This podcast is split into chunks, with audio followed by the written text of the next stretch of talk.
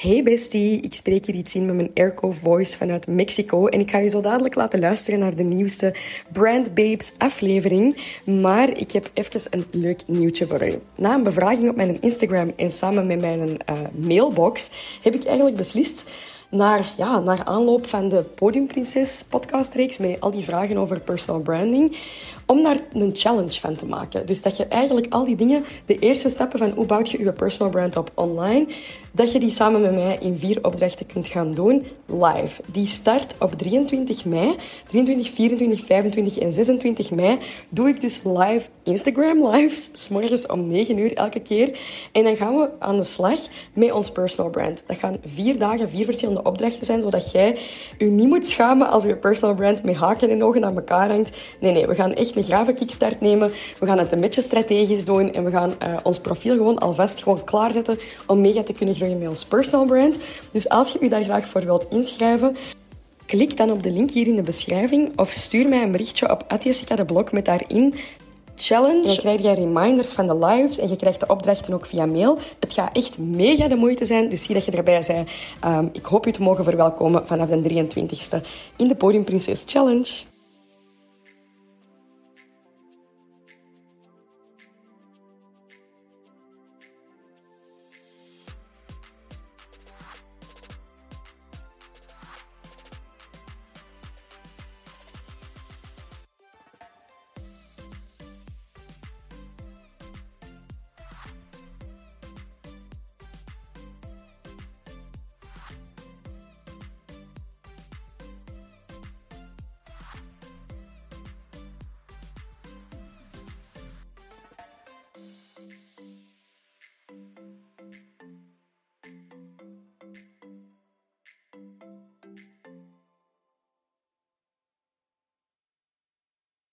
De Federal Reserve in Amerika heeft gezegd dat de Taylor Swift Eras Tour de economie heeft geboost en een van de marketingfirma's die dat, hebben gaan onderzoeken, die zeggen dat ze zelfs 5 miljard extra in de economie heeft gepompt. Dat wil dus zeggen dat Taylor Swift op haar en alleen, ik denk dat hij 3, 34 jaar is max, dat hij de economie een boost heeft gegeven. Overal waar dat hij naartoe gaat, maakt de economie een sprong. Dat wil zeggen, heel die tour over heel de wereld maakt hè, een, een sprong in de economie. Hoe freaking ongelooflijk is dat? En hoe komt dat? Omdat zij natuurlijk een superkrachtige personal brand heeft. En ik wil u vandaag een beetje iets uit de doeken doen over uh, zowel Taylor Swift als Harry Styles. Want ik heb een vraag gesteld onlangs aan Amy. Ik zeg, wat denk je dat Taylor Swift en Harry Styles met elkaar gemeenschappelijk hebben? En je moet eens nadenken over die vraag. Voor ik zet misschien even de podcast op pauze. Denk eens één minuut na over die vraag. Wat hebben Taylor Swift en Harry Styles gemeenschappelijk? Die zijn allebei trouwens uh, in een top drie van de best performing artists in de wereld op dit moment. Er is nummer 2 en 3. Nummer 1 weet ik niet meer exact wie dat, dat was, maar nummer 2 en 3 zijn dus Harry Styles en Taylor Swift. En zoals je ook weet, is ongeveer elke millennial greet, zoals jij en misschien ik, ik ben niet zo'n mega fan van Taylor Swift. Allee, ik ben ook geen niet-fan van Taylor Swift, maar oké. Meer daarover straks. Maar de meeste millennial meisjes op dit moment, of millennial vrouwen, hebben echt in de wachtrij gestaan op plaats 238.324 om een plekje te kunnen bemachtigen, uh, om een ticket te kunnen bemachtigen voor die een tour, hè, die een nieuwe tournee van Taylor Swift. En die vraag daar juist van wat hebben Taylor Swift en Harry Styles met elkaar gemeenschappelijk? Het antwoord daarop is, die hebben allebei een, een ongelooflijk personal brand, maar die hebben allebei een superkrachtig verhaal. En deze podcast, in deze aflevering wil ik u meedelen, nee, ik wil met u delen, hoe dat je zo'n powerful brand kunt bouwen, zo'n personal brand, of wat dat juiste elementen zijn van die personal brands van Taylor Swift en Harry Styles, die ervoor hebben gezorgd dat dat zo ongelooflijk succesvol is. Of toch de elementen waarvan ik nu denk dat jij vandaag die kunt repliceren. Alright, you ready? Dus we hebben Taylor Swift, die eigenlijk heel, heel eerlijk gezegd, die zal waarschijnlijk haar 10.000 hours al wel hebben erin gestoken in haar muziek, want die is al heel lang bezig, denk ik van haar 16 of zo dat hij al muziek maakte. En de 10.000 hours regel is dat als je ergens 10.000 euro, uh, 10.000 uh, uren insteekt, dat je ongeveer een expert wordt. En heb je meer uren in één ding gestoken dan iemand anders. Dus wilt je expert ergens in worden, dan moet je dat doen. Dat is trouwens van een boek Outliers. Ik denk van Malcolm Gladwell dat die is. Supergoed. En uh, die zal ongetwijfeld op haar, op haar palmares wel die 10.000 uren in muziek, uh, muziek maken al hebben gestoken. Maar dat maakt natuurlijk haar niet een betere artiest dan de volgende YouTuber die probeert om uh, met uh, liedjes, gewoon eh, met een gitaar of liedjes die ze zelf heeft geschreven, daar ineens een superster mee te worden. Wat het er allemaal aan vooraf gaat, of wat het er allemaal in de mix, in het recept zit, voordat je een superster wordt, dat zal ik nooit weten en jij waarschijnlijk ook niet. Dat weet eigenlijk niemand. Als iedereen het zou weten, dan zou dat ook niet zo gemakkelijk, alleen zou het niet zo moeilijk zijn. Maar er zijn wel dingen die je kans vergroten om dat te gaan doen. En bij Taylor Swift, die was natuurlijk al een redelijk goede, uh, redelijk bekende artiest op een bepaald moment. Maar wat heeft die haar carrière echt ongelooflijk gecatapulteerd naar het volgende niveau, waardoor dat ik eigenlijk als niet-fan daar voor de eerste keer van heb gehoord en dan voor de tweede keer, waardoor dat mijn gunfactor voor haar enorm is gestegen, is twee keer een pivotal moment en een supersterk verhaal met een vijand. De eerste keer dat ik daarvan had gehoord was in het verhaal met Kanye West. Taylor Swift had een MV, MVA of zoiets award gewonnen. Ik zou het kunnen opzoeken, maar ik heb geen internet. ik zit hier in Frankrijk in de bled en de wifi is ongeveer zo goed als, um, als 2001 wifi ongeveer pakt. Dus um, in ieder geval, dus die had een award gewonnen. En Kanye West is op het podium gesprongen om te zeggen dat haar een award helemaal niet voor haar bedoeld was en dat hij naar Beyoncé moest gaan enzovoort. En dat was uiteraard super onrespectvol van Kanye West om dat te doen. Maar wat heeft dat eigenlijk veroorzaakt, is natuurlijk tussen de enorme communities van deze twee grote artiesten, heeft dat een beetje een feud veroorzaakt. En wie was hier het slachtoffer? Taylor Swift.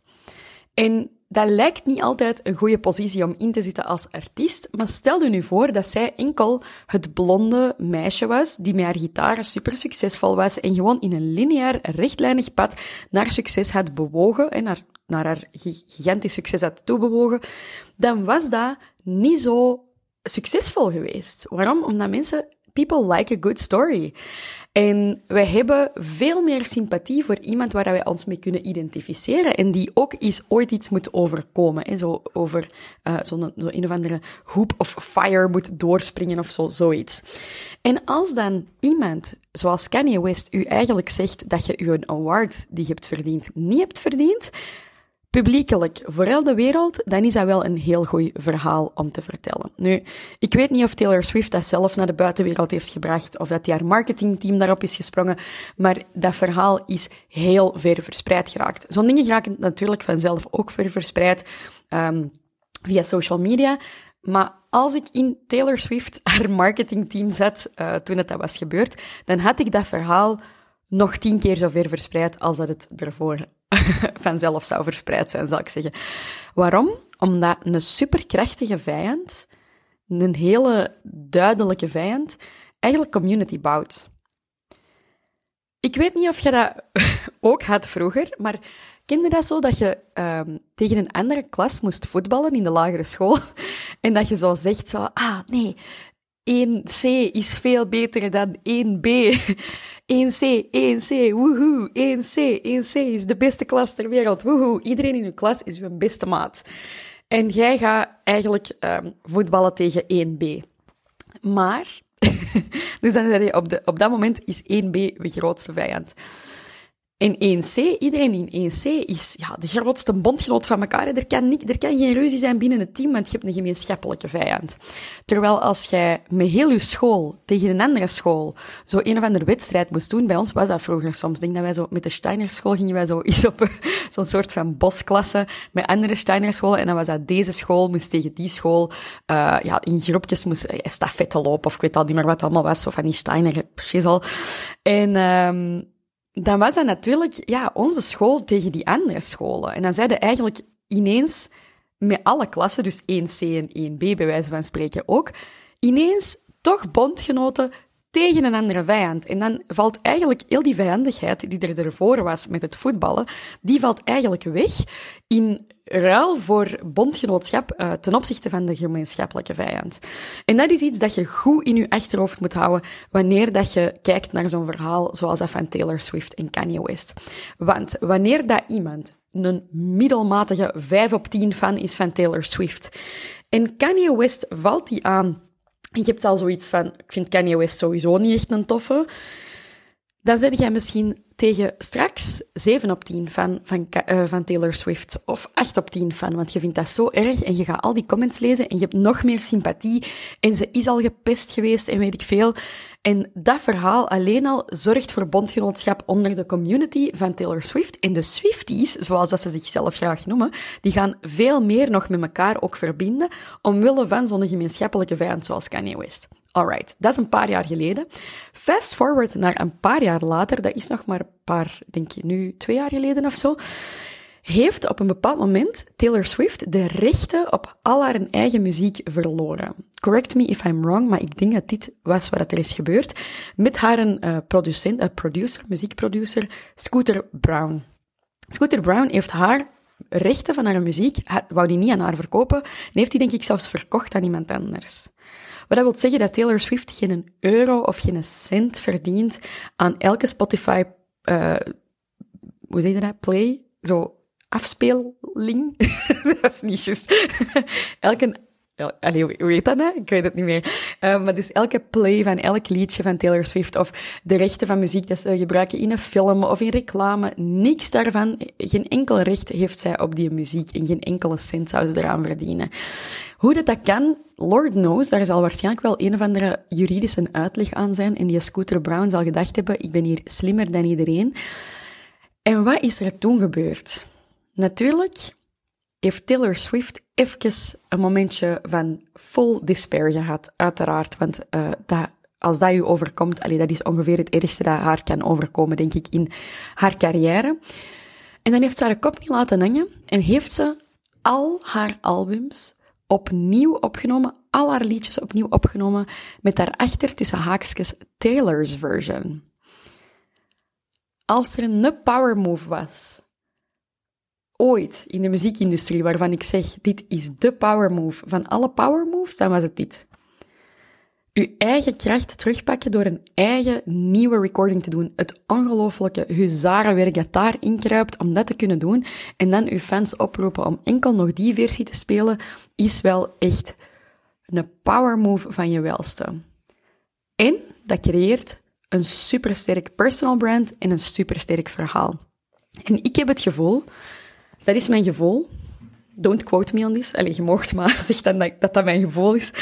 Ik heb het gevoel dat die enorme opmars van die tournee, van de Eras uh, Tour van Taylor Swift, bijna volledig te danken is aan het feit dat die muziek opnieuw is opgenomen, dat dat verhaal is geweest en dat Taylor Swift zo eventjes door haar challenge is doorgegaan en dan als een gigantische overwinnaar aan de andere kant daar is uitgekomen. De community is zelden zo sterk geweest. De, het internet is bijna kapot gegaan van alle tickets van Taylor Swift uh, te verkopen. En mensen die in de, wachtlijst in de wachtrij stonden. En iedereen identificeert zich zo hard met die liedjes. En die liedjes hebben sowieso emoties op zich. En dat zijn sowieso kleine mini-branches op zich. Die, die liedjes, dat, dat draagt ook enorm veel bij aan haar personal brand. Maar laat ons een kat een kat noemen. En Taylor Swift, zonder dat verhaal, of zonder die, die, die vijanden, zou gewoon misschien... Echt, ik ga hier zoveel haters op mijn dak krijgen. Maar dat is, die, is die dan veel beter dan Carrie Underwood, bij wijze van spreken? Of The Next Girl met gitaar? Ik denk van niet.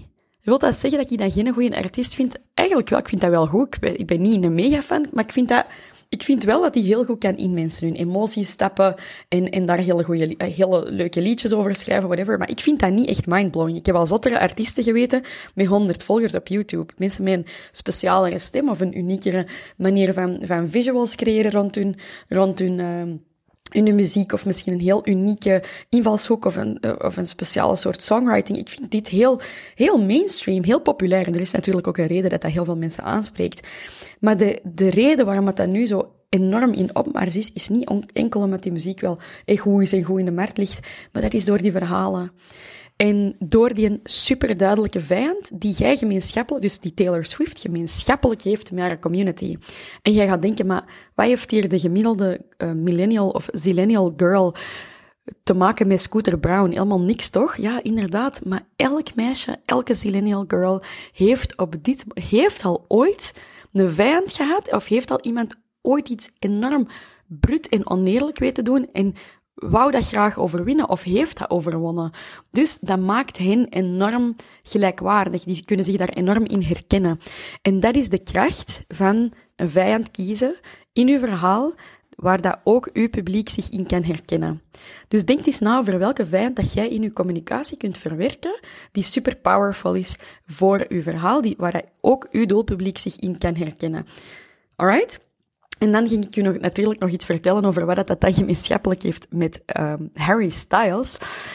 Want Harry Styles heeft ook een beetje zo'n verhaal. Dat is natuurlijk net iets anders, maar mensen kunnen hem al volgen vanaf dat hem 13, 16 is. Dat was dan op... Uh, was dat? Britain's Got Talent, denk ik, met zo die Simon Cowell, die dat dan super Brit is altijd, die dat er dan toch een, een, een band van heeft gemaakt, van die vier gastjes, dat was dan One Direction, al die meisjes helemaal wild van die gastjes, en ah, oh, en deze is mijn favoriet, en de is mijn favoriet, en ik kan een poster hangen, enzovoort. Marketing van zo'n boyband, niet moeilijk, dat gaat vanzelf. Maar, waarom heeft Harry Styles dan zoveel succes boven eigenlijk al die andere gasten? Die heeft eigenlijk zijn persoonlijkheid ontwikkeld, ook met een paar bumps in the road. En dat is een, klassieke, een klassiek onderdeel van de klassieke verhaallijn. En dat heet trouwens The Hero's Journey. Als je daar een boek over wilt lezen, kun je de Building a Story Brand boek lezen van Donald Miller. Die een um, klassieke ja, die klassieke hero's journey, dat heeft ook bepaalde obstakels. En een van die obstakels bij Harry Styles was het feit dat hij bijvoorbeeld um, een oudere vriendin had. En dat mensen dat echt niet oké vonden. Of dat hem een solo-carrière wou starten. Ik heb het ook weer allemaal niet zo mega goed gevolgd, maar van op afstand weet ik het toch, hè, dus dat is ook wel ongelooflijk. En dan op een bepaald moment heeft hem zich heel vrouwelijk gekleed en was, waren er vragen over zijn geaardheid. En dan een heel verhaal over, maar heeft dat wel effectief effect op je geaardheid? Of heeft dat iets te zeggen over je geaardheid als je nagellak draagt, als je vrouwelijke kleren draagt? Dat hoeft niet per se. En die zijn hele persoonlijkheid is ontwikkeld in de public eye. Dus wanneer dat mensen daar en masse naar konden kijken. Waardoor dat iedereen eigenlijk zo'n beetje gelijk, zo instinctief een beetje zo een, een, uh, moeder- of vader uh, gevoel had, of een, een broer-zus gevoel, afhankelijk van welke leeftijd, over zo'n gastje dat gelijk Justin Bieber zo in de public eye is groot geworden. Want je weet nog hoe dat hij was vroeger. En je weet, je weet dat hij een goed hart heeft en je ziet dat en die heeft zijn best gedaan en die heeft daar een sprong gewaagd en dat is niet gelukt en daar een sprong gewaagd en dat is een gigantisch succes geworden. En doordat dat verhaal zich zo publiekelijk heeft ontplooid, heeft hij eigenlijk, en dus ook die obstakels heel publiekelijk heeft meegemaakt, hebben mensen automatisch meer gunfactor. Dus gunnen ze hem meer zijn succes. En dat maakt ook dat zijn shows enorm hard uitverkopen. En dat wil ook niet zeggen, ik wil zeker niet hem in discrediet brengen of zijn muziek, want ik vind dat, dat vind ik wel echt hele leuke muziek. En hij is op zich wel zeker een goede artiest, maar dat verhaal heeft daar gewoon echt... Dat is gelijk dat je benzine op een klein vurkje kapt. Zo ongelooflijk sterk als je een verhaal toevoegt. En ik nodig u uit om eens na te denken over alle artiesten waar dat jij enorm veel, veel um, waarden aan hecht, of waar je heel, veel, heel grote fan van bent, negen kansen van de tien, als je uitlegt aan iemand anders waarom dat je daar fan van bent, dan ga je daar een verhaal over vertellen. En dat verhaal gaat waarschijnlijk een vijand bevatten en een paar obstakels. Identificeer dat eens een keer en zie waarom dat je iemand leuk vindt.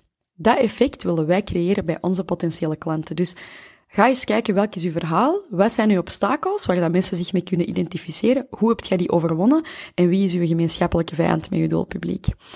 En for now laat ik het hierbij. Deze drie elementen zijn uh, dus die storytelling, uh, waaronder dan de vijand en obstakels. En uiteraard gaat dat nog veel dieper dan dat. Dat zijn elementen van brandstrategie. En brandstrategie, uh, daar moet ik u niet veel over vertellen, dat dat zo ongeveer mijn grootste passie in de wereld is.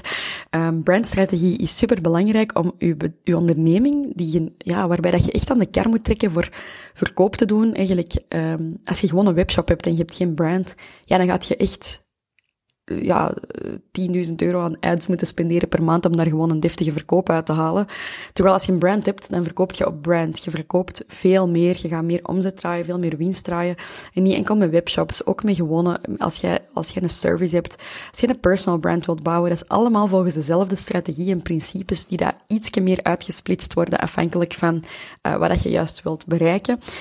Dat is uh, brand strategy. En brand strategy is een langer proces. Dat wil zeggen, je gaat dat in gang zetten en dat gaat zich ontvouwen over de jaren heen. Maar het beste proces waar je in kunt investeren um, dit jaar en volgend jaar. Gewoon als je een onderneming hebt, doe dat. Doe dat eerst. Stopt met eerst ads te proberen in alle tactieken van de wereld. Stopt met alles, al je focus in van die magic pills te steken, want dat heeft totaal geen nut, tenzij je brand strategy hebt. Als je brand strategy hebt en je doet erna tactieken, it will work. 100% zeker. Maar als je tactieken doet voor brand strategy, is dat gelijk dat je aanmaakblokjes gooit naar een open haard die niet aanstaat. Dat is echt gewoon een waste of time en een waste of money. En daarbij wil ik u alvast uitnodigen om je op de wachtlijst te zetten als je enigszins zin hebt om een legendarisch brand te bouwen dat veel meer omzet en winst draait dan wat je nu bent aan het doen. En meer organisch. Echt super veel meer organisch dan um, wil ik dat je u op de wachtlijst zet voor de Legendary Brand Lab. Want um, ik weet niet of je dat weet of niet, maar ik heb twee rondes gedaan. En ik heb elke keer gezegd, ik weet niet of ik er nog een ga doen. Wat dat waar was. Uh, maar nu heb ik beslist om er begin volgend jaar 2024 een te doen. En ik ga die beginnen launchen ergens oktober, november van um, 2023. En dat gaat met beperkte plekken zijn. Zeker beperkte plekken voor de pre-order alvast. En ik wil dat je op de wachtlijst staat. Dus zet je op de wachtlijst via de knop in de beschrijving of via businessbestie.ck.page slash LBL. Dat is LBL van Legendary Brand Lab. En als je daar vragen over hebt, feel free to hit me up. Merci om te luisteren naar de podcast en ik hoop dat je het interessant vond. En dan hoor ik u volgende week in de volgende aflevering. Hoe graaf zei jij dat jij net heel die aflevering hebt geluisterd tot het einde? You are the absolute best. Ik apprecieer dat zo hard. Als je de aflevering leuk vond of als je uh, steunt wat wij doen met de Brand Babes podcast, dan betekent het voor ons ongelooflijk veel als je daar eens iets van deelt op je social media de podcast opnemen, ik ga je dat vertellen, dat kost heel veel tijd, maar dat kost ook heel veel geld. En uh, op dit moment betaal ik dat gewoon allemaal zelf, omdat ik mijn boodschap wil verspreiden, omdat dat heel belangrijk is voor mij. Maar uh, ja, je hoeft niet financieel te supporten. Als jij wilt steunen, dan kun je gewoon iets delen van de podcast, zodat meer mensen de podcast kunnen ontdekken. En als je zoiets hebt van, goh, ik heb niet echt, uh, ik heb geen zin om dat online te zetten, dan kun je ook een review achterlaten. Op Apple Podcasts kun je effectief een review schrijven. En op Spotify kun je vijf sterren achterlaten. En als ik je mag vragen om dan ook wel gewoon vijf sterren achter te laten. Zo bruut ben ik dan ook wel weer. Please geen vier sterren, doe maar gewoon vijf sterren. Um, ik apprecieer het enorm. Dat gaat de podcast in het algoritme een beetje boosten. Dus op eender welke manier waarop dat jij de podcast kunt steunen, alvast heel hard bedankt om dat te delen met de mensen die je graag hebt, met je netwerk, of om een review achter te laten, of all of the above, dat is ook heel top. Super hard bedankt daarvoor en uh, dan hoor ik u in de volgende afleveringen.